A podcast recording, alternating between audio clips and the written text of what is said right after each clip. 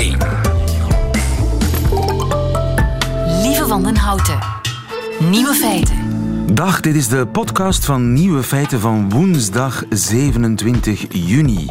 In het nieuws vandaag dat de New York Times zich zorgen maakt over ons land. Want wat zal er met België gebeuren als het de wereldbeker wint, kopt de krant. Een zo bescheiden land kan door een overwinning in een plotse existentiële crisis terechtkomen. Maar verderop in het artikel stelt een Britse journaliste die in Brussel woont de krant gerust. Want er zal niets fundamenteels veranderen. Onderweg naar de kampioensviering zal de spelersbus vast komen te zitten in de eeuwige Brusselse wegenwerken. En een van de spelers zal het verkeerde volkslied zingen. België kan er ook niets aan doen dat het België is. En dat is de kern van zijn charme. Al dus nog de journalisten in de New York Times. We zullen zien. De andere nieuwe feiten vandaag. Veel kantoren worstelen met jeukjargon. Mannelijke advocaten komen anders over dan vrouwelijke. 4000 Amerikanen werken mee aan een onderzoek naar seksuele fantasieën. En de 83-jarige Achille uit Lauwe verpulvert het werelduurrecord op de fiets. Veel plezier. Nieuwe feiten. Jeukjargon. Heeft u er ook zo'n last van? Jeukjargon, het is een plaag en er is nauwelijks nog een werkplek te vinden zonder. En om de spreiding van die ziekte in kaart te brengen, ging uh, Japke een paar maanden undercover. Dag Japke. Hey, hoi, in Nederland hier. Japke Bauma in Neder Nederland. Jeukjargon, wat is dat precies? Ja, dat is eigenlijk heel letterlijk. Dat zijn uh, termen die je hoort uh, op je werk waar je gewoon echt uh, letterlijk jeuk van krijgt. En jij bent die termen gaan zoeken. Je hebt ma maandenlang ben je die termen gaan zoeken. nou, ik schrijf eigenlijk al sinds 2012 over het kantoorleven. En alles wat daar heel mooi aan is. Maar ja, helaas ook alles wat daar heel lelijk aan is. En op een gegeven moment ben ik me vooral wat meer gaan verdiepen in, in managementtaal. als ik het oneerbiedig zou zeggen, management bullshit om het maar even in het, uh, in het Engels uh, te zeggen. Uh, en dat, ja, dat zijn al die, al die termen, al die hypes, al, die, al die bevliegingen die elke dag over allerlei kantoortijgers worden uitgestort. En uh, ja, waar je dan als werknemer maar uh, uh, ja, je veilige heenkomen moet zoeken en aan mee moet doen. Dus dat, is eigenlijk, dat was eigenlijk het onderwerp. Ja, je, je hebt maandenlang je ogen en je oren de kost gegeven. Ja, je, je, bent ook een, een soort van hub geworden. Hoe moet je dat in management speak zetten, zeggen? Een soort verzamelplaats? Een, een, een magneet? Ja, ik ben inderdaad een, een information hub. Een information hub, dat was het woord dat ik zocht. Ja, uh, en uh, ik ben een soort, uh, soort makelaar in, in dit soort termen geworden. Ja. mensen sturen mij, bedelven mij elke dag onder, onder hun suggesties. en wat ik afgelopen negen maanden gedaan heb voor NRC Handelsblad is om, om te onderzoeken wat, wat, we daar nou eigenlijk aan hebben. Maar ook om mensen te, te bellen en in gesprek te gaan over, de, over die termen. Waarom ze die nou eigenlijk gebruiken Ja, en wat daar dat- het nut van is. Wat is de vraag? Wat, wat, is het, ja, wat is het nut van agile werken bijvoorbeeld? Nou ja, daar noem je natuurlijk wel meteen eh, de allerergste. Hè? Dus de allerergste hype die ik, eh, die ik tegengekomen ben, dat is toch wel... Ja, ik weet niet of dat ook in België is hoor, maar dat Agile werken, wel- ongetwijfeld. Maar agile, ik dacht Ja, alleen dat, ja. dat je dat van apen kon zeggen, dat ze agile waren. Lenig betekent het, hè? Ja, wendbaar, eh, slagvaardig eh, eh, is, is ook een, een heel goed synoniem daarvoor. En ja, dat is iets wat in, eigenlijk in allerlei kantoren in Nederland nu wordt ingevoerd. En dat moet dan met allemaal hele ja, de hippe Engelse termen gebeuren. Bijvoorbeeld backlogs en roadmaps en chapter leads en product owners, scrum masters. Nou, dat, dat hoort er allemaal bij, dat, dat soort taalgebruik. En eigenlijk, op een gegeven moment kwam ik dus een agile coach tegen. Notabene iemand die dat zelf doet. En die mij uitlegde van ja, die termen zijn eigenlijk helemaal nergens nodig. Het is gewoon eigenlijk je boerenverstand. Boerenverstand. Dat is, dat is, ja, precies. En is agile Eh, dus- werken, is dat het nieuwe proactief? Ja, eh, nou ja, het heeft een beetje natuurlijk met elkaar te maken. Eh, maar eh, overigens is er nu alweer een nieuwe hype hoor. Maar goed, daar ga ik dan in september wel weer mee verder. Dat is Epic. Epic. Eh, dat is ook weer, ook weer een soort nieuw, Episch. nieuw agile eh, toolbox. waarmee je allerlei projecten kan uitvoeren op je werk. maar, maar inderdaad, is dat, dat, dat agile, dat, dat was eigenlijk de grootste, ja, de, de, de, de grootste hype die, die ik steeds tegenkwam. Maar ik heb bijvoorbeeld ook veel gepraat over geluk. Hè? Want er zijn bijvoorbeeld tegenwoordig ook allerlei happiness officers en fun agents die bedrijven bij ons aanstellen om het personeel gelukkig te maken. En die ben je gaan opzoeken, die nou ja. fun agents en die, die chief happiness ja, officers. ja, hij kwam op een gegeven moment een, een management coach tegen. en die vertelde mij juist dat die, die, dat die happiness officers eigenlijk helemaal niet, niet werken. Of althans, ze zijn natuurlijk wel heel leuk om in je bedrijf te hebben. Maar het werkt bijvoorbeeld veel beter om de flexplek en de open kantoortuin af te schaffen. Of onnodige reorganisaties. Dan dan zo'n zo'n chief happiness officer. Dus het is een soort ja, een soort afleidingsmanoeuvre, zou je kunnen zeggen. Uh, om, uh, om af te leiden van de echte problemen op je werk. Want wat zijn nou de echte problemen? Hè? Dat zijn vaak, is, uh, dat zijn vaak de, de, de onnodige procedures, de bureaucratie, het, het feit dat je op de verkeerde dingen wordt gecontroleerd, dat je eigenlijk de hele dag op kantoor moet zitten terwijl je veel beter thuis af en toe kan werken. Nou ja, dat soort dingen. Dat is wat mensen ongelukkig maakt. Als je daar iets aan doet, werkt dat veel beter dan zo'n Chief Happiness Officer. Maar zo'n Chief Happiness Officer is goedkoper en klinkt chiquer. Nou ja, en het is natuurlijk ook een beetje, wat ik al zei, afleidingsmanoeuvre voor veel bedrijven. Uh, kijk, ze kunnen dan zeggen, ja, we hebben een chief happiness officer. Dus wat zeur je nou dat je nog steeds ongelukkig bent? Ja. Uh, daar, daar, zit ook weer wat, daar zit ook weer wat onder. Want ze zeggen dan bijvoorbeeld, ja, gelukkige mensen, die, ik zeg maar wat, uh, die presteren 38% beter dus daar komt er uiteindelijk weer de aap uit de mouw. Dat die chief happiness officers er alleen maar zijn om weer te zorgen dat, het, dat, de, dat de personeelsleden weer nog meer gaan, gaan uh, produceren en nog harder gaan werken. Dus, dus dat, het is vaak een, een, afleidingsmanoeuvre, het is een rookgordijn. Het doet uh, mij me soms dom voelen. Is dat ook de bedoeling? Ja, dat is absoluut de bedoeling, lieve. Dat heb je heel goed, uh, heel goed gezien. Uh, want mensen durven namelijk heel vaak niet te vragen... wat bedoel je nou eigenlijk aan een baas? Um, en wat, wat, wat, wat ze dan gaan doen, is dat ze mij bijvoorbeeld gaan twitteren of dingen gaan vragen. Uh, van ja, wat is dat nou eigenlijk precies? Ik heb nu een continuous improvement uh, officer uh, werkte, werkte bij ons op het werk. En ja, ik durf eigenlijk niet zo goed te vragen wat die man de hele dag doet. En wat er nou precies anders moet. Dan denk ik, jongens, vraag het nou aan je baas. Vraag het aan je manager in plaats van aan mij. Uh, maar mensen durven dat niet, omdat ze dan denken, ja, dan, dan kom ik dom over. Uh, en ja, dat is nou eigenlijk soms precies de bedoeling van, uh, van, al, die, van al die termen. Goed, dus bij deze bombardeer ik je tot voorzitter van het Jeukjargon Bevrijdingsfront, als dat mag, Japke. Heel graag. Ik, ja. ik denk dat je heel goed werk doet. En ja, wat, wat is nu het ergste? Op de, agile werken is al heel erg. Kun je daar nog boven? Ja, nou ja, op, op heel veel uh, manieren natuurlijk. Uh, wat, wat ik bijvoorbeeld ook heel erg vind, dat zijn die belachelijke functietitels hè, die we tegenwoordig hebben in Nederland. Dus bijvoorbeeld, ik kwam technisch klantgelukkers kwam ik tegen, die werden gevraagd in bedrijven. Een klantgelukker? Een... een klantgelukker, dus dat is iemand die ja, misschien de klant gelukkig maakt. Nou, oké. Okay. Een klantgelukker. klantgelukker. Een sourcing ninja geen flauw idee wat het is, hè? maar ik, ik geef het nog even door. Sourcing visual, sourcing ninja, uh, visual merchandisers. Dat is blijkbaar zijn mensen die niet ja, visueel gehandicapt zijn, denk ik, maar weet ik niet zeker. Uh, bijvoorbeeld vibe managers, die zochten ze bij vibe Schiphol. Vibe manager, die zochten ze bij Schiphol. Ja, mensen die blijkbaar een vibe moeten veroorzaken, maar ik weet niet precies wat voor vibe dat dan moet zijn. Uh, ik heb flexibele aanpakkers met procestalent zien langskomen ook niet precies weet wat het is. Eh, een van de mooiste vond ik overigens de luchtmacht in Nederland. Die zocht een enabler en sensemaker. Eh, enabler? Uh, mijn, en... Enabler, dus dat is iemand die iets mogelijk maakt, denk ik. En sensemaker. En toen dachten we hier in Nederland, eh, dachten veel mensen... Misschien, misschien zijn dat collega's die de hele dag Senseo koffie moeten maken. Uh, maar dat bleek uiteindelijk iemand te zijn die ontwikkelingen uh, omtrent de luchtmacht voor collega's uh, verduidelijkt. Oh ja, een dus soort... die uitlegt wat er gebeurt uh, in de wereld. Toch ook een soort uh, omdenkgoeroe. ja, precies, ja. Nee, maar goed, dus, dus dat vind ik eigenlijk ook heel erg. Hè? Dus die, die, die belachelijke termen die, die mensen voor, voor hun eigen werk bedenken. Um, het, er zit ook een onschuldige component aan. Hè? Ik overdrijf natuurlijk een beetje mijn stukjes. Er zijn ook mensen die gewoon zeggen van ja uh, leven op kantoor is natuurlijk al, al grimmig genoeg. Laten we af en toe nog een beetje wat, wat vrolijkheid proberen te brengen.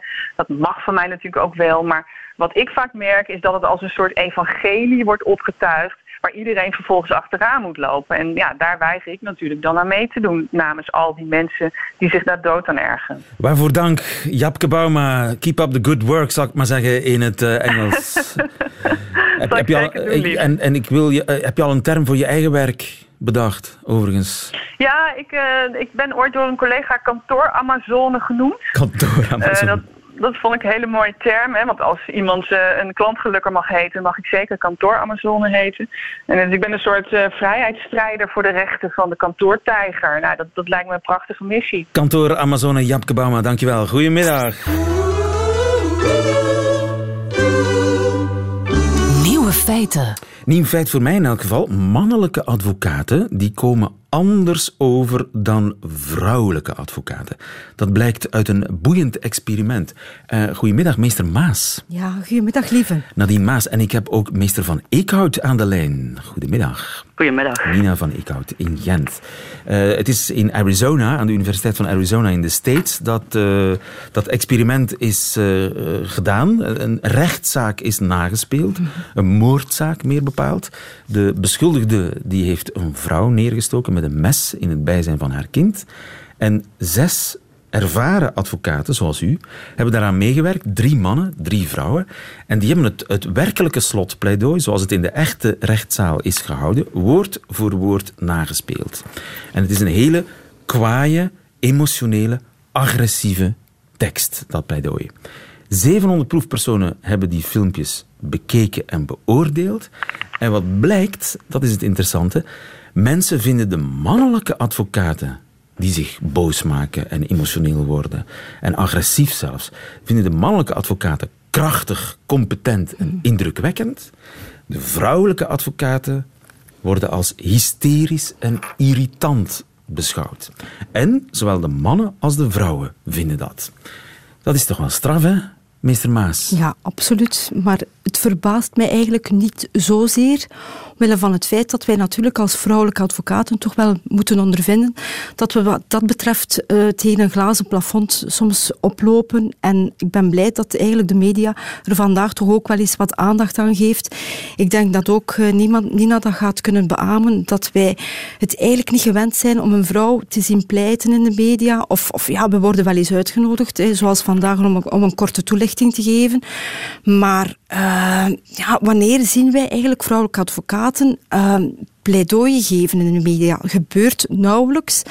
Uh, we zien zowel eens een korte toelichting na een zaak geven, maar ook dat, als u dat zou vergelijken, uh, het verschil, het ratio van de vrouwen in vergelijking met de mannen, dan ja, kunnen we niet anders dan vandaag jammer genoeg nog altijd vaststellen dat de mannen op dat vlak veel meer aan het bod komen. Ja, en ook meer vrijheid hebben kennelijk. Absoluut. Meer bandbreedte. Ze kunnen zakelijk, zakelijk of ingehouden zijn, of juist heel woedend of, of emotioneel. Is dat ook uw inschatting, eh, meester Van Eekhout?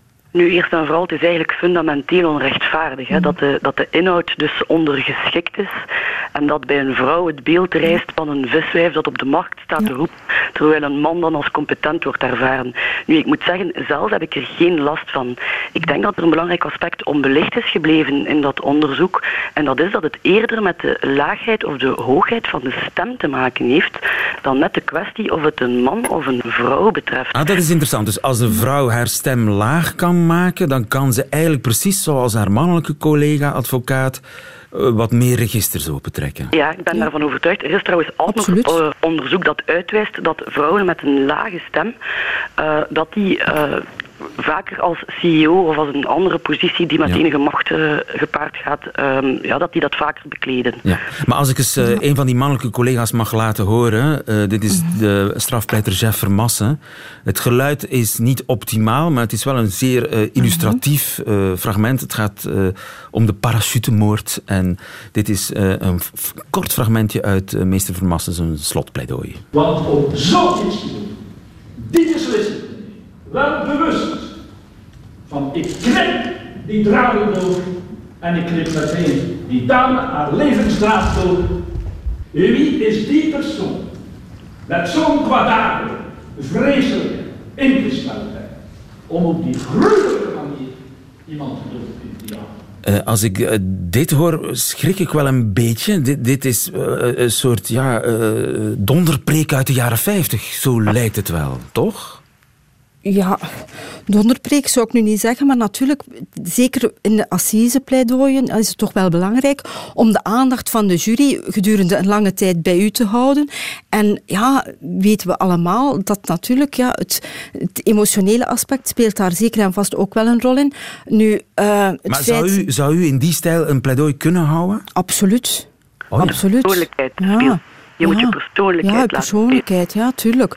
Uh, wij houden allemaal onze pleidooien naar gelang onze eigen persoonlijkheid. Mm. We gaan natuurlijk geen kopie, kopie zijn van, van de, de, meeste vermassen of van elkaar, want ja, dat, uh, dat, dat, dat gaat gewoon weg niet. Dan valt er gewoon direct door de mand. Maar moeten... uh, dreigt dan niet inderdaad dat hysterica-gevaar? Ach, lieve, ja. ik denk ja. als een, als een advocaat het tranenpedaal te diep probeert ja. in te duwen, dat het dan hoe dan ook niet geloofwaardig overkomt. Het is een kwestie van evenwicht zoeken, van doseren. En ook de stem is een mooi en machtig instrument. Hè. Je moet leren om die goed te gebruiken en dat geldt zowel voor mannen als vrouwen. Denk en ik. dat geldt ook uh, in het bijzonder voor meneer uw vader. Hè. Ik, ik, uh, ja. Laten we nog eens naar uh, meester Piet van Eekhout luisteren. Het dier in dierlijke doodsangst... Zelfs als het daar zijn eigen jongen vernietigd heeft. Het dier schrikt terug voor die ultieme daad. Maar toch, hè. Zeer emotioneel ging hij tekeer. Uh, Nina, doe jij dat ook? Ik hoor het toch liever dan het fragment dat we daar zo even hebben mogen beluisteren. Ja. Um, elk, elk heeft zijn stijl natuurlijk. Hè. Lieve, uh, dit is een fragmentje, dus je hoort de rest niet, maar hij put daar duidelijk uit een bijbels beeld. Ja, je moet dat niet doen als dat niet doorleefd is. Ja. Hè. Maar, maar ik durf wel mijn, mijn, mijn stem te gebruiken om de aandacht te vangen. Hè. Zoals meester Maas daar juist ook zei, je moet natuurlijk wel zorgen dat de jury of ook de rechtbank geboeid blijft. Hè. Ja. En, en daarom is het niet mis om, om, om soms wat origineel of ja. krachtig uit de hoek te komen.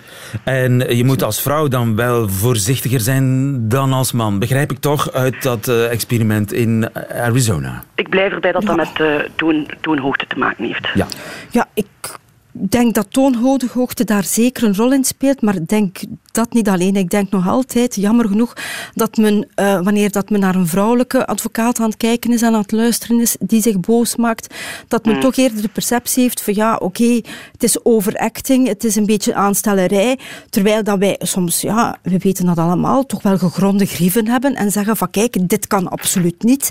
En dat wij inderdaad onze stem gaan moeten verheffen, omdat we zeggen van kijk, hetgeen wat dat hier geponeerd wordt, klopt niet. En wij willen dat, dat inderdaad, dat u daar rekening mee houdt met die argumenten. Maar dus... heeft u, u, heeft al meegemaakt dat u eigenlijk, uh, ja, bij wijze van spreken, uh, uw doel voorbij schiet door te diep de tranen, het tranenpedaal in te drukken? Nee, want ik moet zeggen, er zijn altijd wel oprechte emoties, zowel in, in, in woede als in, als in verdriet. Maar we zijn ons ervan bewust. We kunnen daar natuurlijk niet, niet, niet staan huilen. Ik denk dat geen enkele advocaat dat doet. Hè. Dus, ja. ja, maar ik denk nog altijd dat mensen wel zien wanneer dat emoties echt oprecht zijn en dat men daar dan ook begrip voor heeft. Maar overacting komt niemand goed uit mannelijke advocaten niet en ook vrouwelijke advocaten niet. Men moet sereen blijven in het debat en men moet inderdaad eigen blijven aan zijn eigen persoonlijkheid. Ja, maar hoe dieper of lager de stem, hoe ernstiger je overkomt. Hè. Ja. Niemand hoort ja. graag schrille kreten. Hè. Niemand luistert daar nee. Maar dat geldt, ook, dat geldt ook natuurlijk voor onze, onze mannelijke collega's. Ja, maar die hebben natuurlijk vanzelf al een beetje een lagere stem. dus dat wordt, iets lager, maar... Meester Maas, dat wordt uh, stemtraining, hè? Niks aan te doen om, om, om de gender gap een klein beetje kleiner te maken. Uh, wat is het meervoud van uh, meester, meesteressen? Maar dat klinkt zo raar. Ja, dat klinkt inderdaad. Ja, nee, In ieder geval, nee, uh, ge, geachte advocaten, dankjewel voor dit gesprek. Goedemiddag. Graag gedaan. Ja, ja. Nieuwe feiten. Mag ik eens iets vragen? Wat is uw ultieme erotische droom? Natuurlijk mag ik dat niet vragen. Niets is zo intiem als uh, seksuele fantasieën. En toch, 4000 Amerikanen hebben meegewerkt aan een groot onderzoek ernaar. Goedele Liekens, goedemiddag. Goedemiddag. Goedele, ja. wat een plezier om jou nog eens aan de lijn te hebben. En dat we nog eens over seks kunnen praten, hè, ja, Goedele, wie had dat gedacht? Ja, het grappige is dat ik zelf ook met zo'n onderzoek bezig ben, maar dan alleen met vrouwen via mijn, mijn site. Terwijl hier natuurlijk de vergelijking tussen mannen en vrouwen wordt getrokken, probeer ik een vergelijking te trekken tussen verschillende culturen. Hè. Fantaseren vrouwen in Nederland en in België anders dan vrouwen in China bijvoorbeeld, omdat we weten dat seksuele fantasieën ook gestuurd worden door de omgeving en door, door, wat je ziet en hoort. Wat mij verraste, uh, dat onderzoek bij die 4000 Amerikanen, vrouwen fantaseren meer over SM dan mannen. Verbaast jou dat ook? Nee, dat verbaast mij niet. Kijk, en als we weten hoe uh, populair Fifty Shades of Grey, hè, ondanks het feit dat dat toch een van de slechtste boeken ooit is qua, qua schrijfstijl, heeft dat dus zoveel succes gehad. En dat kan geen toeval zijn. Voor veel vrouwen is het natuurlijk ideaal om de controle helemaal weg te geven. Je bent voor niks niet meer verantwoordelijk. Je moet ook zelf niks doen, want je kan niet, want je hangt vastgebonden. En, en je mag en jezelf toestaan om te genieten. En dat is toch iets wat voor heel veel vrouwen bevrijdend werkt, blijkbaar. Uh, je ziet verder ook dat vrouwen heel erg over groepseks fantaseren. Uh, wat, wat maakt, ja, wij zijn allemaal graag onweerstaanbaar. Hè. Al die mannen die ons toch maar willen, hoe leuk is dat? Ja, maar overigens, mannen fantaseren daar ook over. Hè. Dat verbaasde mij dat ze onweerstaanbaar zijn. Dat is een mannelijke fantasie ook. Verbaast jou dat? ja, nou. het, ja, de onderzoekers stellen vast dat mannen daar evenveel over fantaseren als vrouwen. En, en eigenlijk is het grappig dat ons dat allemaal verbaast. Want we weten toch ook hoe graag uh, mannen uh, het alfamannetje zijn. En, en seksueel competent en onweerstaanbaar. Dus, dus eigenlijk open. zou... On, ja, de, de, de koning van de apenrots, uh, dat hoort er ook een beetje bij. Uh, wat mij, ik zit maar te zoeken in die resultaten. Ah ja, mannen fantaseren vanaf een zekere leeftijd makkelijker over andere mannen. Ja, ja dat, en dat zie je wel, want ik zeg het, er zijn een tal van onderzoeken wereldwijd geweest, maar je ziet bijvoorbeeld vooral die, die uh, genderfluïde scenario's waar je uh, vrouw bent of seks hebt met een transgender, en dat komt veel meer bij mannen voor dan bij vrouwen. En waarschijnlijk heeft dat toch te maken met het onderdrukken van, van mocht je daar al een klein gevoeltje in die richting hebben, dat kan je no way ever in het echt uiten. En dat durf je zelfs niet in het echt te voelen. Want we moeten daar wel duidelijk in zijn. Het, wij zeggen dromen, maar eigenlijk zijn seksuele fantasieën daarom geen wensdroom. Het wil ook niet zeggen dat het iets is wat je moet en wil gaan uitvoeren. Ik zou daar zelfs heel, heel voorzichtig mee willen zijn. Het kan, maar het kan ook helemaal verkeerd uitpakken.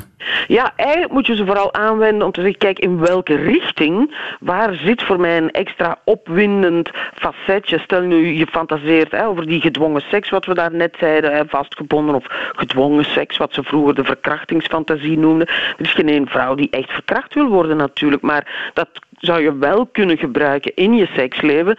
Door bijvoorbeeld wat hardhandiger vastgepakt te worden of een beetje harder bij je staart of zo genomen. Dus je kan daar kleine facetjes uithalen die wel kunnen helpen uh, om je seksueel wat te doen openbloeien. Sommige mensen kunnen niet uh, tot een orgasme komen zonder dat ze heel specifiek die een bepaalde fantasie daarvoor aanwenden. Ja. Dus dat kan wel. Zij, en de onderzoekers zeggen ook dat een fantasie uh, therapeutisch kan zijn. Klopt dat volgens jou? Dat vind ik toch wel al, al, ver, al ver gaan hoor. Ik ben niet geen psychoanalist. Dus, en ik weet wel dat in, in die theorieën soms beweerd wordt van kijk, bijvoorbeeld je fantaseert over uh, seks met een andere. Dat is een, een therapeut dus ook wel voorbereiden op het, het moment dat je partner eventueel niet meer is.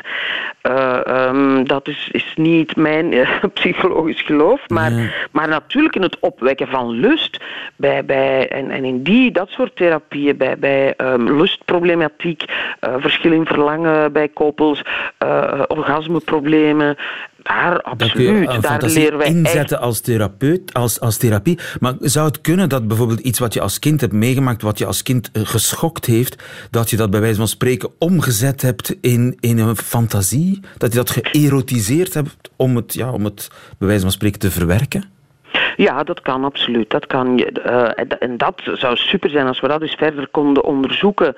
Dat bijvoorbeeld mensen met bepaalde trauma's ook een bepaald soort fantasieën meer uh, um, krijgen. Ja, dan moet je maar mijn, mijn uh, enquête gaan invullen hè, op, de, op de goedelen. Ik wou dat ik een vrouw was, goedelen. Ja, maar, maar ja, ja, dat is waar, maar ja. ja. Eh, maar we doen daarna wel de mannen en lieven. Ah, Want dat, allee, hoe meer mensen dat soort eh, enquêtes invullen, we kunnen dat nu dankzij online pas echt heel diep gaan onderzoeken. Maar het is wel zo dat, dat ook een positieve, dat hoeft niet altijd iets traumatisch te zijn. Stel, eh, vooral in de puberteit, de momenten waarop die hele heftige seksuele gevoelens voor het eerst opkomen en, en je lijf barst en ontploft bijna. En op dat moment staat er bijvoorbeeld een schooljuffrouw met heel mooie panties aan of die zit met haar voeten te spelen, dat daar bijvoorbeeld een linkje zou komen in je hersenen getrokken wordt tussen wow, die enorme heftige passie en een bepaald iets dat gebeurt is. Levenslang voetfetischist. Kun je Ja, of, of die schoolmeisjes, hè, die uniformpjes. Dat is een van de redenen waarom je ziet dat met name in Japan nogal wat mannen fantaseren over zo'n meisjes met een schooluniformpje. Ja. Ja. dat was het moment waarop hun eerste seksuele gevoelens ontloken. Dus zij hebben die link daar heel sterk naartoe gelegd. Ja, ja overigens, eh, mannen, als we dan toch over het verschil tussen mannen en vrouwen hebben, mannen raken makkelijker opgewonden ja, van dat soort taboe-achtige dingen, voyeurisme, fetischen. Dat is echt iets mannelijks. Ja, ja, wij denken natuurlijk altijd en dat, dat, mannen die heftige prikkels, hè, iets heftigere prikkels steeds maar nodig hebben. Ehm, en, en dat ze daarom naar, naar dat verbodene meer gaan zoeken. Maar misschien is het ook voor mannen eh, ja, veiliger en, en meer verboden. En dus, dus dat ze dat meer in de veiligheid kunnen gevoelen en ervaren daar. Ja, maar fantasieën zijn gezond. Ik hoef me daar nergens zorgen over te maken. Nergens zorgen om te maken. Je hoeft ze ook zeker niet altijd uit te, eh, te voeren. hè. Ga, ga, en je hoeft ze zelfs niet aan je partner te vertellen. Ik vind iedereen heeft recht op zijn eigen privacy. Ja, ja ze moet je alleen aan Goedele vertellen. Anoniem natuurlijk. Hè? Ja, voilà. De enquête invullen op goedele.com en verder wel eh, goed voor jezelf weten wat die fantasie is en welke kleine stukjes daar lekker stiekem kan voor gebruiken en van gebruiken in, in je seksleven. Kijk, Goedele, de eerste klant is er al. Dankjewel. Ja, Goedemiddag. dankjewel. Dag.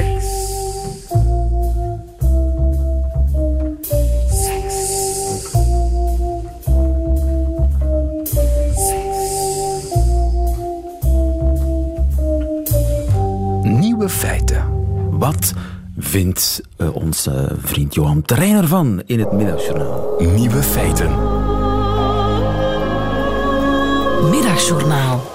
Beste luisteraar, het wordt een zomer zonder borsten. Dat lees ik in de krant.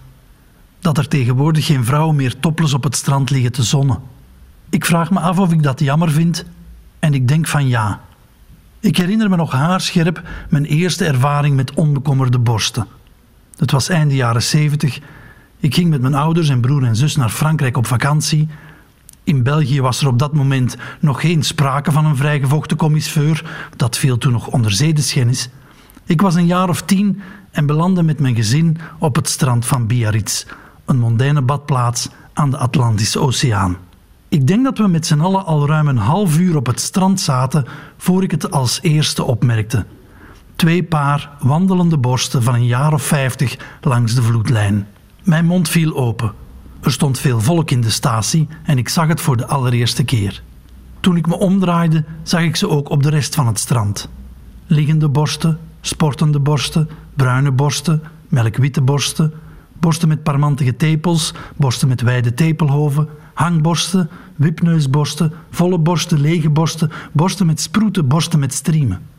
Ik stond aan de vloedlijn naar een rijk gevulde breugeltafel te kijken en riep als vanuit een reflex: Mama, iedereen heeft hier blote borsten. Mijn vader keek op en toen hij merkte dat ik gelijk had, stopte hij gegeneerd zijn hoofd in een Michelin-gids. Mijn broer, zus en ik, we moesten lachen en ik heb de hele dag mijn ogen de fijnkost gegeven, kijkend naar alle vormen en formaten in de welke borsten aan mij verschenen. Niet veel later, in de beroemde jaren tachtig, mocht het ook in België. Het is te zeggen, topless op het strand liggen. Borsten mochten in België niet bewegen. Hadden die vrouwen net de vrijheid voor zichzelf opgeëist om, net zo goed als mannen, enkel in een broekje op het strand te liggen, is die gewoonte alweer in onmin geraakt. Naar het waarom is het niet lang raden. De drang naar uiterlijke perfectie zou veel bovenstukjes doen aanhouden. De stiksels en naden van de vergroting of de verkleining ook. Nieuwe preutsheid misschien. En ja, sociale media natuurlijk ook.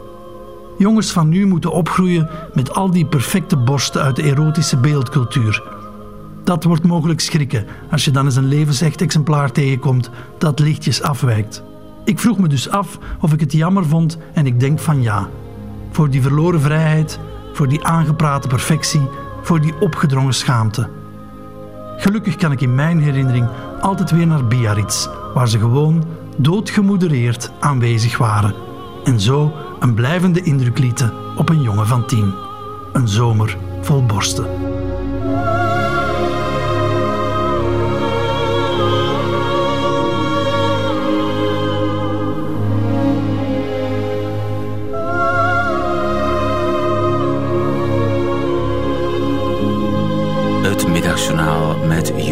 Terrein. Meteen het einde van deze podcast. U vindt er nog veel meer op radio1.be en op alle gebruikelijke podcastkanalen. Tot volgende keer.